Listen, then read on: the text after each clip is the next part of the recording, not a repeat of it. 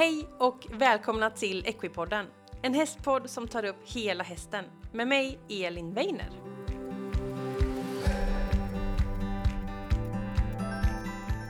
Det är onsdag igen och ni vet vad det betyder. Ett nytt avsnitt av Equipodden. Varmt välkomna alla lyssnare till detta rykande färska avsnitt. Så kul att just du har hittat till den här podden och till det här avsnittet. Veckans avsnitt är lite start på ett tema som kommer pågå här i några veckor. För det är nämligen så att jag har besökt Saxtorps hästklinik som ligger i Saxtorp, lite söder om Landskrona kan man säga, så södra delen av Sverige. Och eh, jag fick komma och det var fantastiskt. Så kul att få åka på en liten roadtrip och få träffa intressanta människor. Och eh, på den här kliniken så har jag träffat eh, flera olika personer och vi pratar om just det här att vara på klinik och att arbeta tillsammans. Så i det här första avsnittet, då ska vi få träffa veterinär Anne Haglund. Det är hon som har startat upp och driver den här veterinärkliniken, såklart tillsammans med andra veterinärer, terapeuter, hovslagare med mera, men mera. Och Anna och jag, vi pratar lite om när man ska åka till en klinik jämfört med när man ska ta ut en veterinär i stallet. Eh, ska man göra en årlig hälsokontroll? Vad ingår? Eh, vad ska man tänka på? Ska man göra det eller inte? Vi pratar också om när man ska söka hjälp för sin häst och hon ger lite tips om vad man ska ha i sitt stallapotek. Så första avsnittet i en serie här med tre delar från Saxtorps hästklinik. Eh, håll i er för nu kör vi igång veckans avsnitt med veterinär Anne Haglund.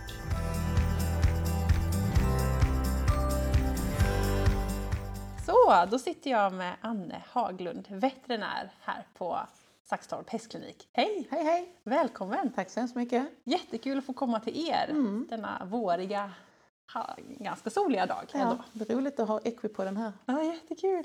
Och det här är ju, det är ju första veterinären i podden. Så att det är en roligt. eh, liten ära. Och det här ska bli så kul, vi har skrivit upp massa saker vi ska prata om. Mm. Eh, som, eh, ja, mycket roliga grejer kommer. Men eh, jag tänkte att du kunde få börja med att berätta om vem du är och varför du blev veterinär. ja, jag är ju nu ganska gammal. Börjar närma mig. Ja, jag blir 56 år till hösten och eh, utbildar mig till veterinär redan då tidigt, direkt efter gymnasiet.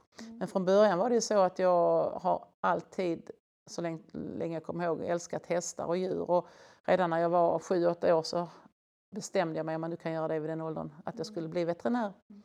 Och jobba med hästar då framförallt, men veterinär var ju drömmen då. Och sen har jag faktiskt lyckats så målmedvetet kämpa mig dit genom att se till att kämpa på i skolan och få bra betyg och så vidare. Och samtidigt höll jag på med hästarna. Och det är något som jag verkligen vill lyfta. Vilken energi hästar gav mig och jag tror ger många andra också. Mina skolresultat som då var ganska lyckade, de eh, hade jag aldrig uppnått om jag inte hade haft mina hästar. Nej.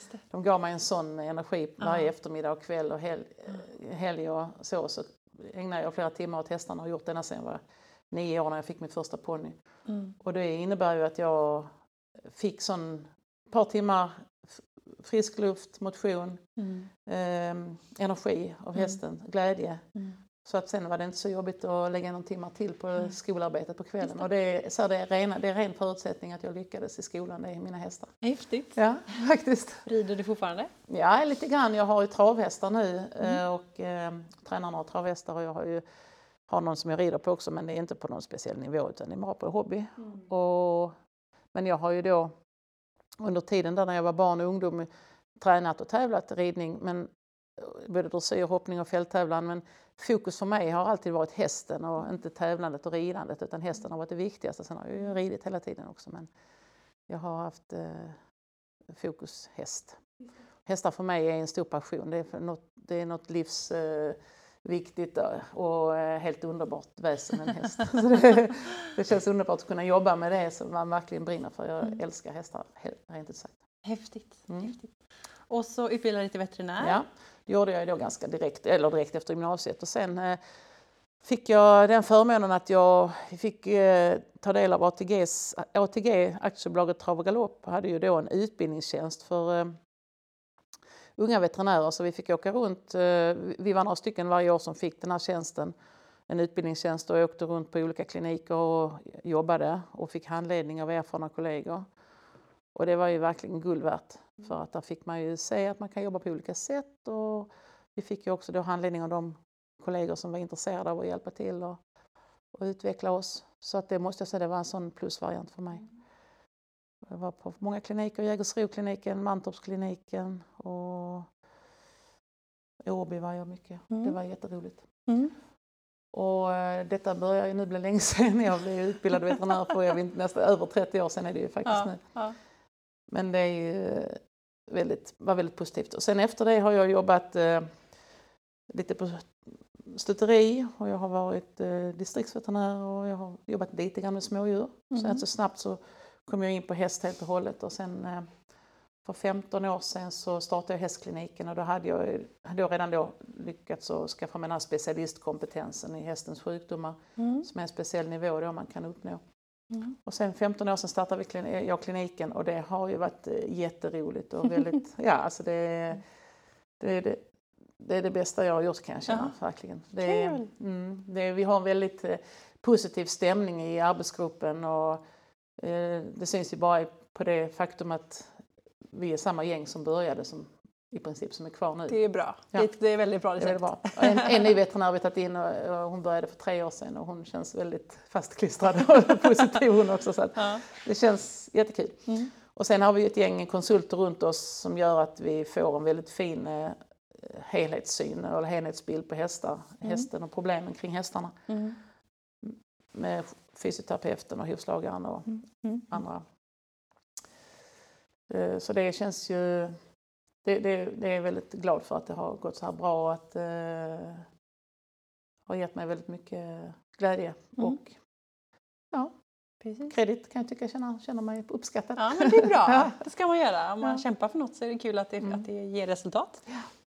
Och vad har du för eh, mål och visioner med kliniken då?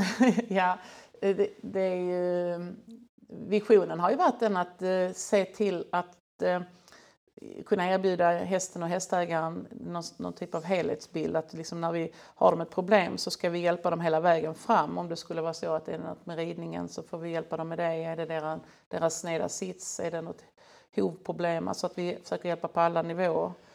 Och sen är ju min eh, vikt, en väldigt viktig eh, grund för mig det är att se till hästen och hästens grundförutsättningar. För mig är det det viktigaste, att vi försöker jobba med hästarna och behandla hästarna så långt vi kan enligt deras egna förutsättningar. Att vi använder deras språk, om jag säger så, att vi, de förstår oss när vi kommunicerar med dem. Att vi ser till att deras förutsättningar kring foder och flockbeteende och utevistelse och rörelse och det att det blir till- tillgodosett i så hög omfattning som möjligt. Vi har ju, den skyldigheten tycker, vi, tycker jag att vi har när vi föder upp hästar och ser till att använda dem i våran, Mm. för våran glädjes skull så måste vi ju se till att de har det så bra som möjligt. Mm. Utifrån deras synsätt. Det innebär inte att man är klippt och borstad och, och eh, tvättad svans och så. Det är inte viktigt för en häst utan Nej. det viktiga för hästen är helt andra saker och det tycker jag vi ska fokusera på. Mm. Mm. Jätteviktigt. Jätteviktigt. Det kan lätt glömmas bort att man själv Ja, går i stallet och vill ha det faktiskt. snygga nya schabraket eller en ny hjälm. Eh, man Mm. kanske behöver tänka på annat ibland. Ja, man kanske kan behöva lägga pengar på träningen istället och Mm. på, ja, på att utveckla sig själv. Sin egen, eh, till exempel sin egen eh, balans och liksidighet är väldigt viktigt när man ryttare. Jag tycker Ja. kanske att man har en skyldighet till det när man ska sätta sig på en häst och rida, att man, att man jobbar med sin egen kropp. Just det. Det, Egen träning Mm. också. det är också Mm. viktigt. Just det. Ja, jätteintressant. Eh, vi ska se vart vi hamnar i det här avsnittet. Men ehm, jag tänkte, vi, för vi är ju på din fina klinik här och eh, då kan man ibland undra så här, ja men när ska jag åka till klinik med min Mm. häst eller när ska jag ta ut en veterinär hemma och hur ska Mm. jag tänka med de sakerna? Ja, det finns ju många olika problemområden men det oftast man tänker på det är väl kanske när hästen, eh, om man upplever att den kanske inte är som vanligt, kanske lite ojämn i rörelsen eller kanske lite irriterad vid ridning och så. Då tycker jag ju att man, eh, det är klart det är svårt när man har en ny häst men när man är, har haft en häst ett tag så ska man reagera på de små detaljerna. Jag tycker att hästen, börjar hästen till exempel visa ovilja vid ridning eller någon typ av ojämnhet och så, så kan man reagera ganska tidigt. För eh, ja, vi ska inte, jag ska inte skryta, men vi veterinärer har ju blivit ganska duktiga på att uppmärksamma även små mm. problem hos hästen. Och om man då försöker då att titta på hela biten, när man känner igenom ryggen, om man tittar på rörelsen, om man tittar på hästen under ridning och så vidare, så, mm. så så kan man ju oftast uppmärksamma problemet ganska tidigt istället för att man låter det gå för lång tid och kanske problemet har blivit manifesterat och hästen kanske har blivit helt enkelt irriterad på, på ridningen på allvar så, så att det är ju mm. synd att låta det gå för länge. Så att uppmärksamhet och, och eh, använda en veterinär som vill, eh, verkligen vill eh, se, alltså försöka se helheten på hästen. Mm, just det. Och när och sen, tar man ut till stallet och ja, när är kliniken dags? Liksom? Det är ju det är svårt att göra sådana här riktigt ordentliga, grundliga utredningar ute i stallet. Dels är det ofta sämre förutsättningar. Det kan vara kallt och blåsigt och snöigt och regnigt. Eh, man har kanske ett ojämnt underlag, det blåser lite grann. På mm. kliniken har vi då en löpargång där underlaget är jämnt och fint och akustiken är jämn. Man hör och ser hältan mycket bättre när hästen är avspänd. Man kan eh, då eh, så det, så det är ju lätt och, dessutom kan man kanske parallell, alltså när man som vi jobbar med hältor då så jobbar vi mycket med bedövningar och då ska bedövningen verka kanske en 10 minuter, en kvart och då kan man göra något annat under tiden som veterinär. Det blir väldigt ineffektivt om du ska göra en utredning ute i ett stall och bara en häst att jobba med. Mm. Eh, och, eh, så att därför har du, en, har du en utredningsfall så ska du lättast åka till en klinik. Eh, I annat fall, jag menar, har man sårskador och kolik och så, så det kan ju passa bättre att ta hem eh, en veterinär. Och, ehm, ja, så kan jag väl se på det. Ja, just det. på det stora hela. Mm. Och på kliniken får man kanske mer en, en helhet då? Ja, det är ju lättare liksom och man har bra förutsättningar att stå och jobba i lugn och ro. Och, mm. och man kan då kanske ta in andra kollegor också som kan vara med och titta på patienten. Och Ja, precis. Och som sagt, det har man klart många anläggningar. Vi har ju ridhuset här så många gånger får vi se hästarna ridna under den ryttaren som har problemet då och sen kan vi då ibland sätta upp en annan ryttare och se om det, hur problemet ändrar sig, om det ändrar sig och så vidare. Och ja, där är många förut, bra anledningar att vara på klinik tycker jag. Just det. Så är man lite osäker så är det bäst att åka på ja, en klinik? Det, det tycker jag nog om. Så. Mm. Om inte det är direkta liksom sjukdomar som är så, så, ja, kolik, eh, sårskador och sådär så mm. får man ju mm. lättare kanske att vara hemma. Precis. Ja, men... och, och, är det så att vi, det är ju så, vi har ett sånt eh, öppet ett remissförfarande så är, tar du hem en veterinär som känner att den inte kan göra rena utredningen hemma så remitterar den ju dig till ett djursjukhus eller en klinik. Just det. Så, så det fungerar ju. Så du, du ska inte missa någonting liksom, Nej, bara för att precis. du gör fel om man säger så. Ja, precis. Om man väljer att ta hem ja. så ska en bra veterinär ändå skicka en vidare. Ja, om inte de kan lösa problemet. Just det. Mm. Nej, men det är en sak som sagt om man uh, får kolik till exempel och kanske mm. man inte kan flytta direkt. Ja, eller fixa med hemma. Men lite diffusa grejer och rörelsegrejer då mm. är det mm. bättre att åka hit. Mm. Och här finns ju också det som du sa, ett team med kollegor och också en mm. del verktyg, eller hur? Ja, precis. Man har ju sina man har ju alla sina, sin utrustning. Det, är klart, det finns ju klart veterinärer som har väldigt välutrustade bilar som de kör omkring med. Men det är klart att det är lite lättare. Man får, ja, jag, jag, för mig är det klart mycket lättare att ta hit hästen här så man har ju allting på plats och mm. missar ingenting. Liksom. Mm, just det. Plus att man kan lägga så mycket tid, mer tid för att det är ju, man kan eh, saxa patienterna lite grann. Man skickar in en på röntgen under tiden kan man börja lite grann med nästa och så mm. får man ett effektivare flöde. Just det, som veterinär liksom. Mm. mm. Eh, och eh, som sagt eh, teamet runt sig, vi har ju eh, hovslagare och mm. sjukgymnast, terapeut och mm. sådär. Är det något annat som ingår i teamet? Ja, vi har ju ehm, eh, vi har vår massör som eh, jobbar hos mig anställd som gör en del arbete och vi jobbar även lite med TNS och stötvågsbehandlingar och sånt och det gör vi ju själv på kliniken då också. Men ja, nej det är väl, det är väl så. Mm, precis, och det får man ju inte i ett stall liksom. Nej, då kan man bolla med varandra. Mm. Och om jag då känner så här, ja men jag kanske ska åka till klinik då med min häst. Vad, då finns det mycket olika kliniker, speciellt ja. nu är vi i södra Sverige. Här mm. är det mm. ganska tätt ändå. Det är ju värre norrut. Men ja. vad ska man tänka på när man väljer klinik? Ja, alltså oftast så är det ju att man när man väl är etablerad på ett ställe så har man ju funnit en personkemi där man känner förtroende för sin veterinär och då åker man ju klart till den. Mm. Men innan du har, känner någon så är det ju klart lätt att du kanske kan åka med någon kompis som äh, åker med sin häst så kan du känna av hur den verkar vara på den här kliniken du Mm. funderar på. Mm. Du kan ju, man kan ringa och prata med veterinären innan och fråga hur de har tänkt lägga upp jobbet och hur, hur vi jobbar. Ju. Just det. Och ehm, eh, ja, sen kan man ju också försöka ta någon som, jag, jag, jag tycker vi har en fördel där att vi har, så, att vi har lite bred kompetens, att vi kan göra lite olika saker här. Att, eh, att vi har sjukgymnasten till exempel som, som vi kan remittera till. Det är klart, den, den, hon blir- får remisser från andra kliniker också men det är ju det är att man kan göra mycket på ett ställe är ju, är ju bra. Just det. Och sen att...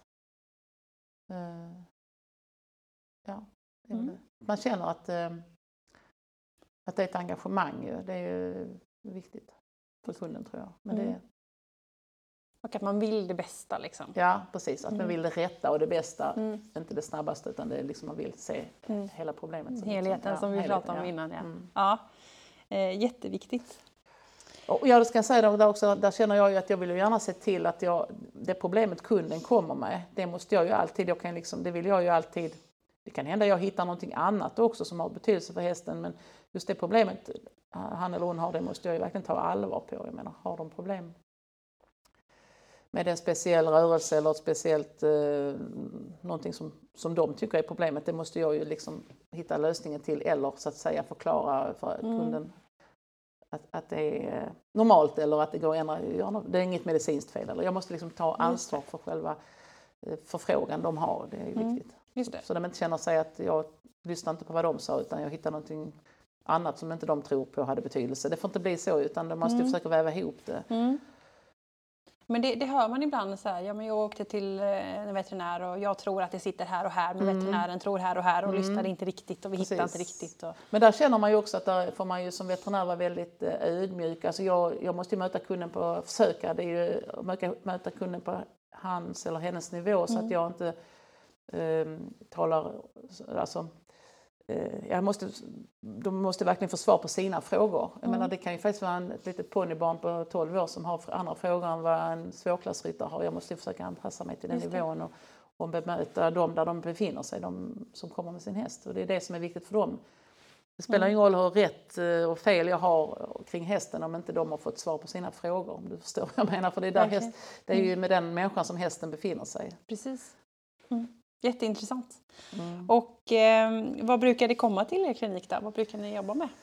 Ja, vi brukar jobba med, vi kall, det kallas ju oftast för hältutredningar, men Mm. problemet hos ryttaren eller hos ägaren behöver ju inte vara just att det är en hälta, men vi börjar ju oftast med och ser det som en hält eller en rörelseutredning. Oftast, ja, ibland kommer de att säga att min häst är halt, men ibland kommer de också säga att min häst eh, vill inte fatta vänster galopp till exempel, eller den vill inte flytta sig på skänkeln, eller den är, har blivit lite irriterad när jag rider, eller vanligt också stannar på hinder Mm. Framförallt på tävling så vill de inte hoppa Mm. och då är det ju stor procent, väldigt stor andel av de här hästarna har ju problem i ben eller rygg. Mm. Så det är därför det blir, oftast blir en hältutredning man börjar med. Mm. Och, eh, men man får ju försöka eh, och då gäller det att försöka hitta det så, så det korrelerar till det problemet man hästen har. Alltså, jag måste ju försöka hitta problemet för ryttarens, alltså det de upplever med sin häst. Mm. Mm. Mm. Sen kan det ju vara så att eh, det är träningsproblem och att det är någon typ av eh, kommunikationsproblem mellan häst och ryttare. Mm. Och om jag tror att det, blir, att det är så eller när jag utrett och inte hittar liksom någon medicinsk anledning eller någon medicinsk anledning som jag tror är problemet så får jag ha med ändå mitt team. Till exempel Mm. där kommer ju Pernilla snabbt in då om det kan vara något, fel, något problem i ridningen Mm. eller Mm. balansproblem eller Mm. sitsen. Eller, det händer ju rätt så ofta att, ändå att vi hamnar där. Just det. Och då kan ni tillsammans Ja. titta. Mm. Sen händer det ibland att eh, hon skickar tillbaka dem till mig också. och så här, vi har jobbat så här med den här hästen och nu, och, och nu tycker vi att eh, det kommer fram en hälta här. Ja. Ja. och då får vi backa, backa bandet och börja om igen. Ja, just det. Just det. Ja, man hittar lite när man, när man rotar Jag skickade ut lite lyssnarfrågor inför Ja. det här avsnittet och det kom en hel del. eh, Så Mm. jag valde ut några saker. Och eh, då var det några som frågade om att göra en årlig hälsokontroll. eh, Vad det skulle innebära, om man ska göra det eller inte. Vad tänker Mm. vi här?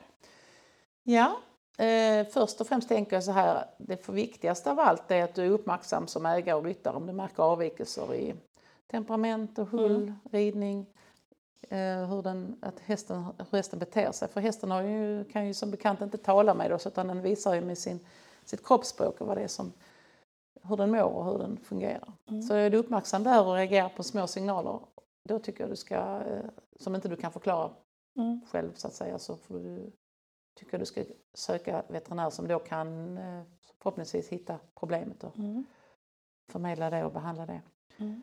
Eh, Och sen kan det vara så att du känner dig oerfaren och kanske o, eh, lite okunnig kanske om på området och då kan det väl vara vettigt att, att eh, låta någon veterinär kolla upp hästen, ja, förslagsvis då en gång om året kanske eller så. Mm. Och gå igenom liksom rygg och känna igenom benen och ryggen och rörelsen och kanske rida den och så. Se den rida. Mm. Och longera på lite olika underlag och så vidare. Det är det som brukar ingå då i en check, att man tittar på hästen rakt fram, longerar den på mjukt underlag, hårt underlag. Ofta, oftast gör vi böjprov, palperar igenom ryggen, känner på rörligheten i ryggen, ömhet i ryggen, halsen likadant, ömhet och rörlighet i nacken och halsen. Mm. Sen gärna även titta på ridningen då. Då har Mm. man ju liksom gjort en check. Riktigt. Mm. Sen kan man även till, eh, vissa veterinärer använder en del blodprov och så. Det gör väl vi ibland också men det är väl mer lite ovanligare kanske. Mm. Kanske mer om man misstänker att det är någonting. Ja, precis. Mm. Mm. Mm. Men eh, så det blir ja nej på den frågan. Jag tycker inte du behöver göra en årlig hälsocheck om du känner dig väldigt eh, trygg med att du uppmärksammar din hästs signaler. Mm. Men om du känner dig lite osäker och otrygg i det så är det väl vettigt för hästens skull att checka upp den lite då och då. Just det. För det är ju väldigt svårt som hästägare Mm. att se små signaler. Ja, det är det. Och så är du hemmablind och så säger dina kompisar till dig, äh, en- så brukar hästar göra eller så där. Så blir du Mm. osäker. Eller. Så Mm. att, eh, Mm. För jag måste säga, du säger att det är svårt, det kan det vara, men jag måste säga att jag tycker att ni är rätt duktiga. Jag hör Mm. ofta, speciellt när ponny- ponnybarnet och ponnymamman kommer, så, så, säger, så säger mamman, ja hon sa redan för tre veckor sedan att det var något som inte stämde, men då sa jag, rid på bara. och, så, och sen har ju barnet liksom haft rätt ändå. Så att jag tycker nog att om du är, tränar din, eller lyssnar på din, känslighet så tror jag Mm. nog att du hittar, rätt, Mm. hittar ganska rätt. Just det. Mm. Och också uppmärksamma att om man känner någonting Mm. så är det värt att kolla upp. Ja precis. Naturligtvis så kanske du ska, om du känner något en dag så kanske du låter det gå någon dag till och känner Mm. att, du, verkligen, att det är manifest. eh, Du behöver inte ringa akut på kvällen. Jag vill inte släppa allt och åka direkt. Men alltså det är ju, ja. det, man ska inte vara rädd för det. Därför är det bra att ha förtroende för sin veterinär. För jag, det händer ju, händer ju också att eh, folk kommer hit på det sättet och vi inte hittar något problem. Mm.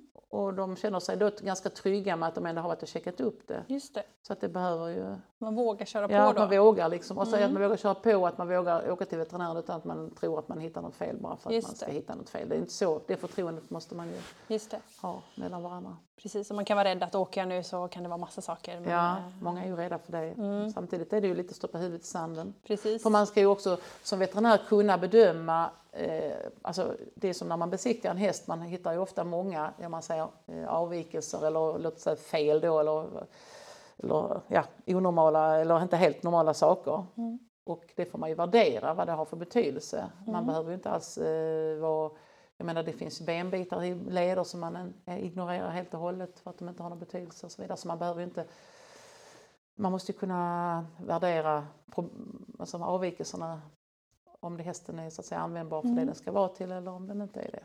Precis. För det kan också många vara rädda för att Mm. hittar jag någonting nu så är det kört. Ja, det, det är ju det. Tyvärr är det så en sak också som är lite, det är både plus och minus med att hitta saker därför att hitta saker som du sen kan liksom hjälpa hästen med, kanske behandla den någon gång, kanske se till att träna på ett speciellt sätt så att den inte får sitt problem tillbaka eller att det inte ökar problemet. Det är jättebra. Men tyvärr har ju människan också en tendens att har du hittat ett fel så blir du lite fixerad vid det. Mm. Tyvärr har man ju lite den, Mm. en del människor har det problemet, eller det kanske vi alla har till mars. Ja. Så att man måste ju, och det är lite synd ju. Jag Mm. menar, till exempel en sån vanlig sak som kissing spines som vi har på jättemånga hästar i ryggen. Mm. Det är ju väldigt ofta som det går jä- jättebra att rida de hästarna om man tränar dem rätt och Mm. så. Och har bra utrustning. Och. Medan vissa människor då när de hör ordet kissing spine så bara, ja, så blir de helt jätterädda och Ja, vill inte längre Just hålla det. på och tycker det är kört och så. Det är så synd ju, men Mm. man ska inte... Så ja.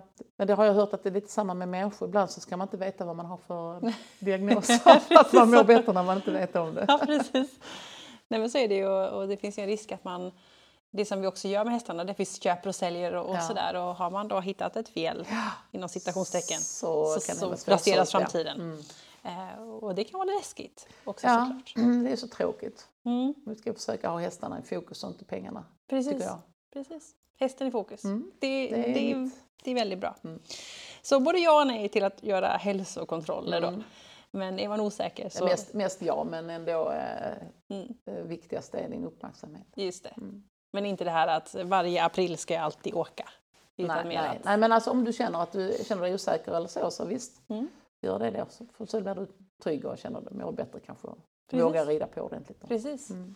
Och, eh, för det är så mycket liksom med hästen. Det är ju dels det veterinära som Mm. du pratar om men också det som vi har pratat om annars med, liksom det här med musklerna sjukgymnastiken och de Mm. bitarna. Det, Mm. allting är, det kan ju hända så Mm. mycket med Ja. våra hästar. Det kan det. Det är svåra djur. Mm. Verkligen. Eh, och eh, en till fråga som har kommit in, det har vi varit inne och snuddat lite på, men just det här, när ska man söka hjälp? Eh, lite varit inne på här diffusa rörelsestörningar, då kan det vara värt att åka, säger du. Ja. Eh, sår, hur tänker vi där? Ja. Sår är ju, det finns ju alltid från små, små skrapsår till väldigt allvarliga sår. Det är ju väldigt, väldigt eh, men man, man bör ju lära sig kanske hur grundläggande så- sårvård tycker jag är viktigt att man, eh, vi har haft en del kurser här på kliniken och men det finns ju böcker att läsa och så vidare. Mm. Men eh, generellt sett så ska ju sår skyddas mot infektion så man ska ju gärna bandagera så fort som möjligt. Mm. Ha, tvätta rent och bandagera. Och eh, sen är det ju sår som sitter i närheten av leder är ju alltid allvarliga. Leder och senor, senskidor och så vidare. För när det går in i ett hålrum där som till en led så är det väldigt allvarligt man får det ska ju vara en helt steril miljö i en led och Mm. får du infektion i en led så det kan det vara väldigt allvarligt för hästen och till och med alltså göra att den eh, måste tas bort. Alltså, så att därför är det ju väldigt allvarligt. Mm. Mm. Så att om du är osäker på en, en eh, sårskada som sitter i närheten av en led så ska du absolut söka hjälp omedelbart. Just det.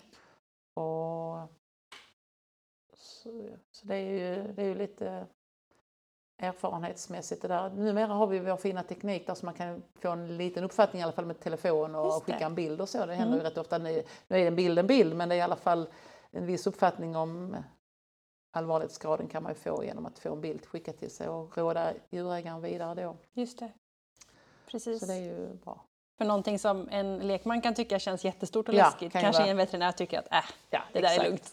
Det kan ju vara så. Då är det skönt att få hjäl- den hjälpen. Mm. Eller tvärtom, man Ja. tänker att det här var ingen fara och veterinären bara oj, oj, oj, det här måste vi kolla upp. Mm. Ja, Det, är ju, det är ju tråkigt när man missar till exempel något sånt som man skulle kunna hjälpa hästen med som kanske då blir verkligen. dåligt. I. Som blir en stor grej sen. Mm. Andra saker då? Alltså, mer kolik är ju, tänker så, Mm. kolik är ju en allvarlig, väldigt allvarlig, kan vara en väldigt allvarlig diagnos. Kolik är ju egentligen bara en samlingsdiagnos för smärtor från bukhålan. Så att, det. kan vara vad som helst. Men äm, d- där är en, en lindrigare kolik, där äm, börjar man ju med att röra lite på hästen och försöka få den att ja, skritta på. Och, Mm. och ut och gå med den och så, få, få igång magen igen. För oftast är det ju någon förstoppning eller en gas eller så. Med det allvarliga fall att de lägger sig, reser sig och rullar och skrapar då är det ju bara att försöka få tag i en veterinär med en gång som kommer hem och hjälper en. Sen kan det allt, eh, kolik är ju jobbig, jobbigt för en djurägare för det kan ju utvecklas till, Mm. kan också under, under förloppets gång utvecklas till omvridningar och Mm. tarmvred och så som måste ha kirurgisk hjälp för att, för att de ska överleva helt enkelt. Och då, är ju, det är ju, då måste man ju komma iväg till ett djursjukhus. Och det kan vara besvärligt på vissa delar av landet att att göra det. Alltså. Och stora djur och våldsamt är det när de har ont. Ja. Så Och, det, är- så det, är, det är här jobbig, en jobbig grej att leva med som hästägare. Att hästar har, också har tyvärr då en ganska så stor tendens att få kolik. De allra flesta fallen är ju lindrigare med förstoppningar och så men eh, Det Det finns ju de allvarliga formerna också som kräver kirurgisk hantering för att Ja. de ska överleva helt enkelt. Det är läskigt att veta hur länge man ska våga vänta Ja, eller när precis. man ska åka och när de Ja. börjar kasta Och sig. där och kan man ju ofta få hjälp hemma i stallet ju, till att börja med i alla fall, att man Mm. ringer hem någon akutveterinär. mm. Ju, men som sagt, det, är ju nästan alltid så att det är ju, ringa och prata med någon som ger, eh, det är veterinär eller djursjukhus som ger en ett bra råd där och sen eh, är man osäker så är det bättre att ta hjälpen och inte göra det. Just det. Det är dagens ledord. Ja, det kan jag tycka. Ta hellre hjälp för ofta än eh, inte Ja. och eh, se de små. Hästar är ju ganska så dramatiska. Tycker De är jag. det? Ja, Ja. men det är ju en sårskada blir väldigt lätt infekterad och Ja. svullet ben och jättehalt och en Ja. kolik kan, alltså hästar är rätt så smärtmässigt och liksom, säger om man jämför med andra djurslag till Mm. exempel så har hästen mycket, mycket dramatik kring sina problem. De är lite sköra. Ja men sköra, det svullnar lätt och det gör Ja. väldigt ont och så. Precis, minsta lilla. Ja, Eh, där är de olika också såklart. Men ja det är de blir väldigt olika. Men en ko till exempel tålar ju en, en sårskada betydligt, oftast betydligt Ja. bättre än en häst. Ja, Ah. oj oj oj. så kor bättre än så? Ja, Okej. men de är lite svårare att dressyr på. Ja, lite svårare. Ja. ja, men, men intressant. Och där som sagt återigen ha en, en veterinär som man har en relation med Mm. och ett förtroende med. Ja, precis. Det känns ju väldigt Och viktigt. det ska du veta, det vi har ju fått bilder som sagt skickade hit och även hästar som kommer med saker som är jättedramatiska. Djurägaren har kanske nästan ignorerat lite och så tvärtom, det kommer saker hit, hästar hit som har så små sår så vi Mm. knappt hittar dem. Och vi, alltså de, ja, det, Ja. små sår kan också vara allvarliga men där, där det är väldigt ofarligt. Ja. Och det får man ju, det är ju, upp, det är ju ingenting eh, att liksom, eh, tycka någonting om utan alla har ju sin kunskapsbas och det får man Mm. Ja. utgå från det. Och sina preferenser. Ja, därför är det viktigt att man får hjälpa alla på deras nivå. Precis. Och där är vi också olika. Vissa åker ju till doktorn Ja, för ja. ingenting och vissa kan gå med Precis. ett brutet ben Mm, eh, nästan. Eh, så att mm, det kanske man för Ja. över på sin Men vi har ju väldigt mycket samtal också. Vi kö- sköter ju mycket det här via att folk ringer och frågar. bra. Ja, så då har man ju, det är ju väldigt mycket man rådger att de kan ta det lite lugnt och avvakta Mm. lite. Mm. Så vad skulle du själv göra om du fick lite feber? Kanske Ja, bara vila en dag eller så, Ja. så se vad som händer. Alltså det finns så mycket eh, rådgivning också, man kan Mm. lugna folk. Det är bra. Mm. Det är jättebra.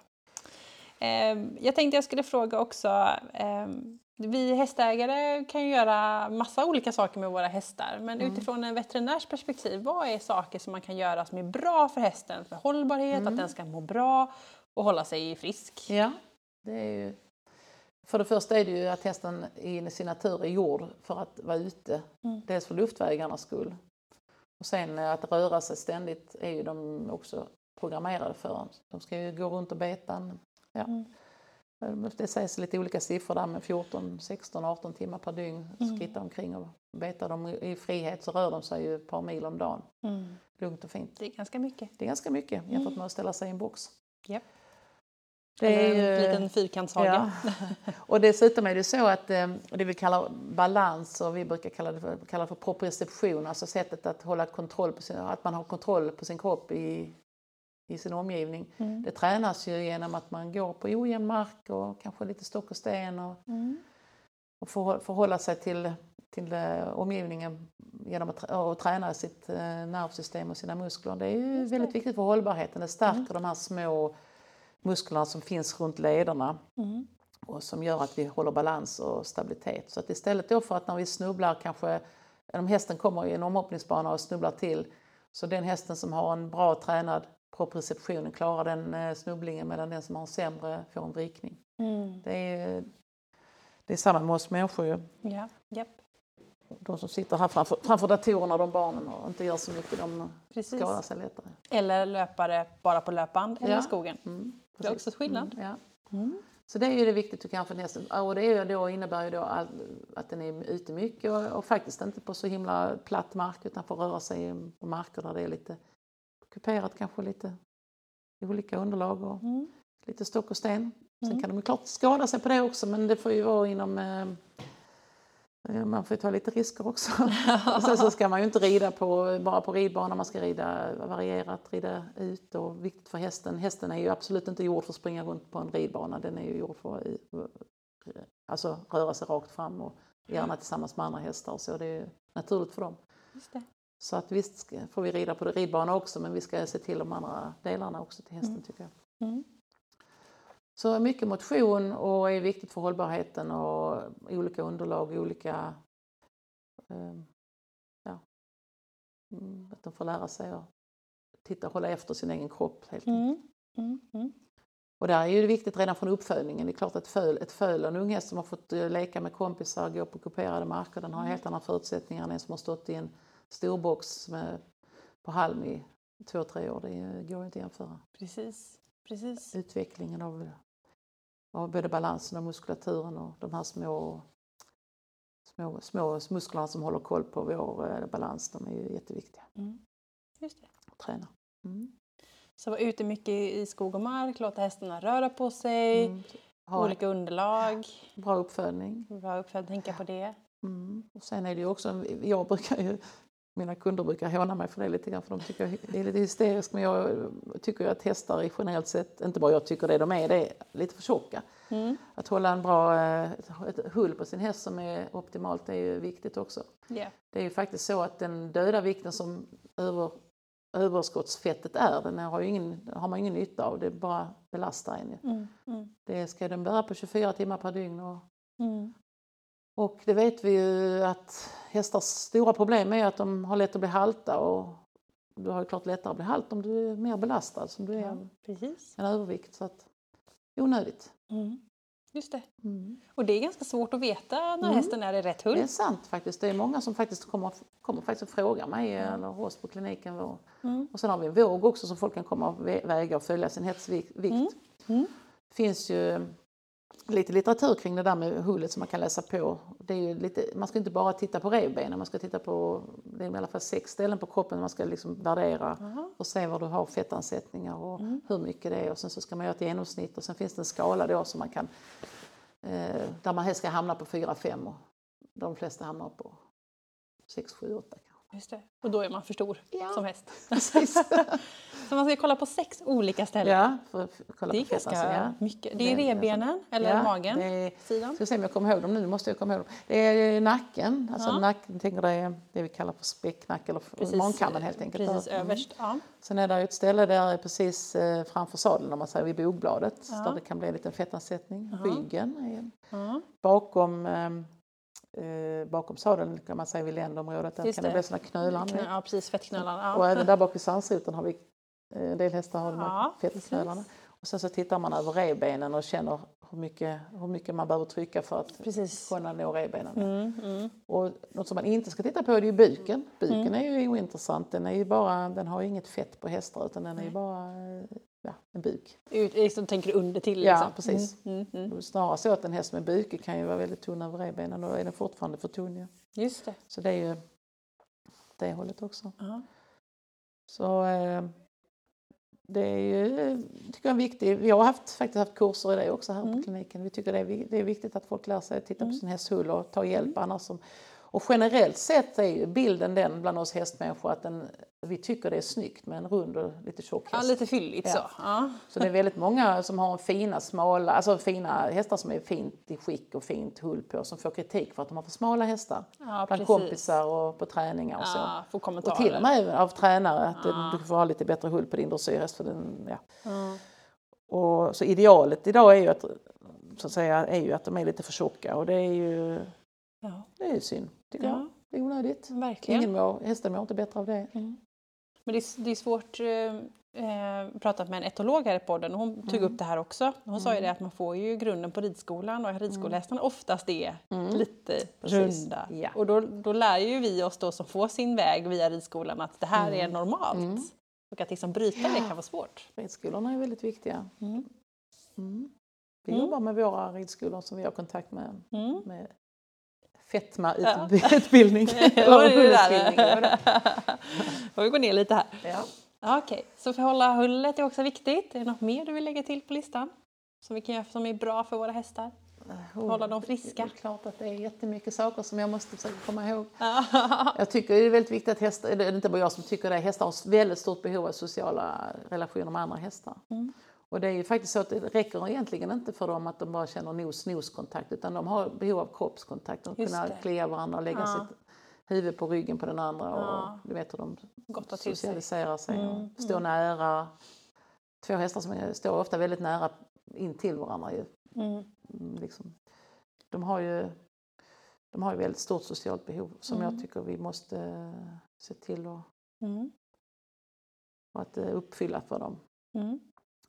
Det är klart att det är lite risker sådär med hästar som går ihop men man måste försöka då hitta en par eller grupper som fungerar. Det, Just det. vikt vid det. Testa sig fram lite. Mm. Mm. Det är ett viktigt, bra råd i det fallet är ju att de får lära sig att umgås med varandra och träna sig och umgås med varandra genom att de står i varsin box med, med galler emellan så att de kan eh, no- nosa och Mm. sparka de första frambensparkarna det med Ja. en vägg emellan så att de inte så de bekantar sig med varandra Just det. ofarligt, så att, eller Just det. relativt ofarligt. Det är jätteviktigt. Det har man sett eh, forskning på att Mm. man minskar skaderisken väsentligt om de Mm. får lära känna varandra med, i stallet först. Det är ju en enkel sak att göra. jätteenkel och ganska ofarlig. Mm. Då, alltså, då får du bara byta boxar några nätter på de som Ja, man då tänkte ha ihop. Alltså, för Ja. De får kolla in läget Ja, lite. Hur spar, hårt sparkar du? Ja, precis. Mm. Vem Ja. är du egentligen? ja, precis. Just det. Är det något annat i rutinen? Visitera hästarna pratar vi om Mm. ibland. Ja, det är ju viktigt att man hela, varje dag ser över sin häst. Och det är ju någonting du tränar upp med ögat när du har haft häst ett tag. Om du ser om benet är lite tjockare eller om, Mm. eller om det kommer lite snor ur näsan och så vidare. Mm. Och även hur, hur eh, allmäntillståndet, hur pigg ser den hästen ut? Mm. Något som är intressant också som kommit de sista tio åren är ju det här med pain face, att man kan faktiskt läsa, det, utläsa ur hästens ansiktsuttryck och kroppshållning Ja, hur mycket smärta den har. Det. Och om den har smärta och graden av det också, vilket Mm. är väldigt intressant. Och det Mm. tycker jag ju man bör läsa på och, träna sig lite på som hästägare. När man Mm. är. Och det finns rätt bra texter och bilder på det. Ja. Precis. Och det stämmer, det känns ju väldigt, vi ser när vi får in hästar med kolik och så, så brukar vi också försöka träna på det där och titta hur, den, ser- hur ser den här Ja, ut. Och man ser ju väldigt ofta Ja. tydliga tecken på, på pain. Ja, det här gör ont, Ja, det här gör liksom. ont. Mm. Titta på, då är det bra du som eh, hästägare ja, får uppleva, det är inte roligt att se en häst som har ont, men alltså att du försöker lära dig av när du hittar en häst eller när du har en häst i stallet som har ont, titta hur den ser ut och så lär du dig. Liksom. Att man, om man råkar träffa på Ja, en häst med precis. ont, att man faktiskt tänker på hur Ja, ser det här ut nu. Exakt. Ja. För att kolik Mm. kan ju alltid komma till exempel i stallet eller att precis. de... Och det är ju väldigt halten. tråkigt om hästen går och har lindrigt ont hela en längre tid och du inte Mm. uppmärksammar det. Mm, Det är ju det är svårt. det är svårt men det, det kan, får man, kan man träna på. Mm. Mm. Ja, men det är också bra tips. Mm. Och eh, ridmässigt, utrustningsmässigt? Ja, det är ju väldigt viktigt eh, att man har bra utrustning. Sadeln ska ju passa hästen och det får du ju ta hjälp med. Och, där är också, finns också varierande kunskapsnivå på folk som hjälper till med det men det är ju viktigt då att det stämmer både för ryttaren och hästen. Ja. Och sen så är det ju väldigt viktigt att hantera sin häst och rida sin häst så mjukt som du kan. Alltså jag är ju en allmän eh, eh,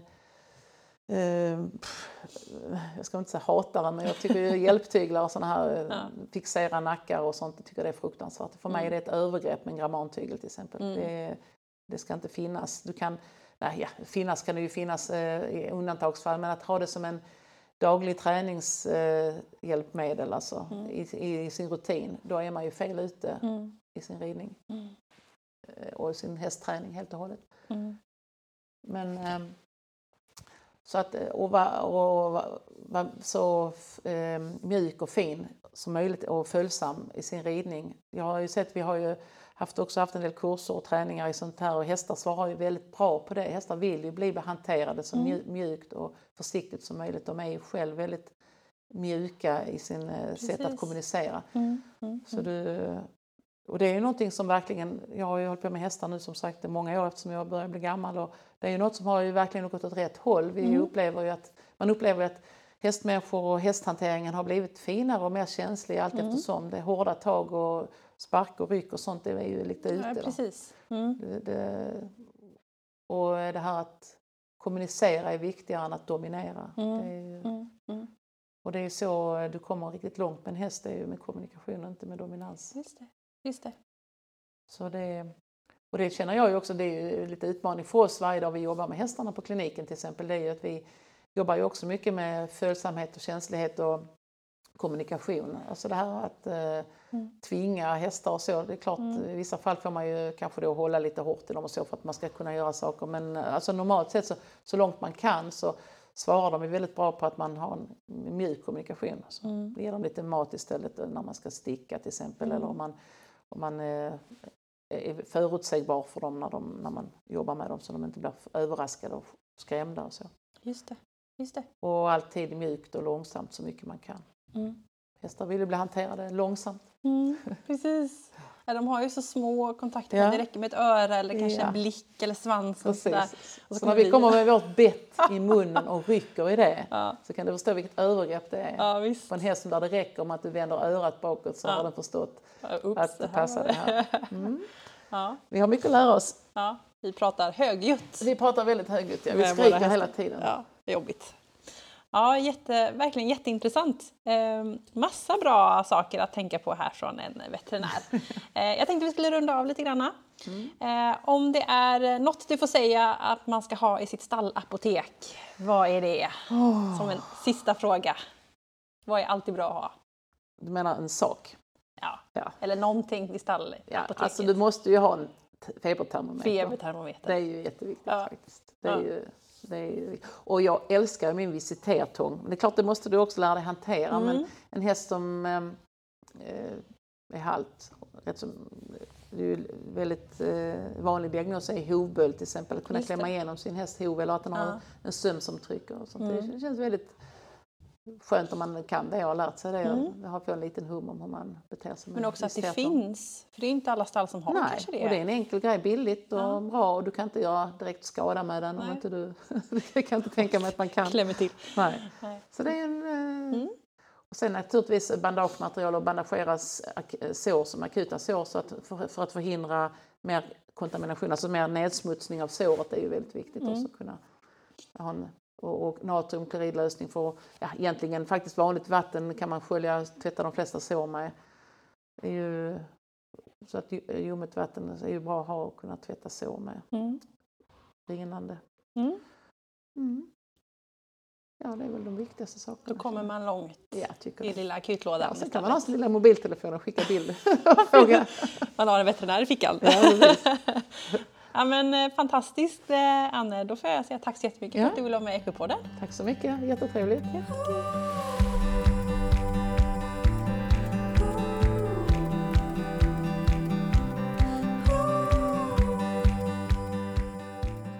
Visst var det bra. Stort tack Anne för att jag fick komma till din fina klinik och träffa dig och några andra.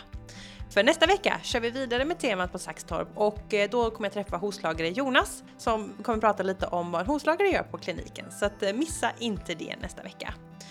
Eh, jättemysigt att få komma till Saxtorp, en otroligt genuint och härlig stämning och en mysig klinik. Så ni som är i området kan jag tipsa om att åka dit. Är det så att du tyckte om det här avsnittet då får du jättegärna lämna en recension där du har lyssnat. Gå också gärna in och följ Equipodden på sociala medier, framförallt Instagram och Facebook som gäller, där du är med och påverkar vilka frågor jag ska ställa och vilka gäster jag ska ha med. Och eh, så länge så önskar jag dig en fantastisk vecka. Våren är här. När jag sitter och klipper det här så har precis körsbärsträden blommat ut och det är så vackert och så fint. Så ha det så bra så hörs vi snart igen. Hej då!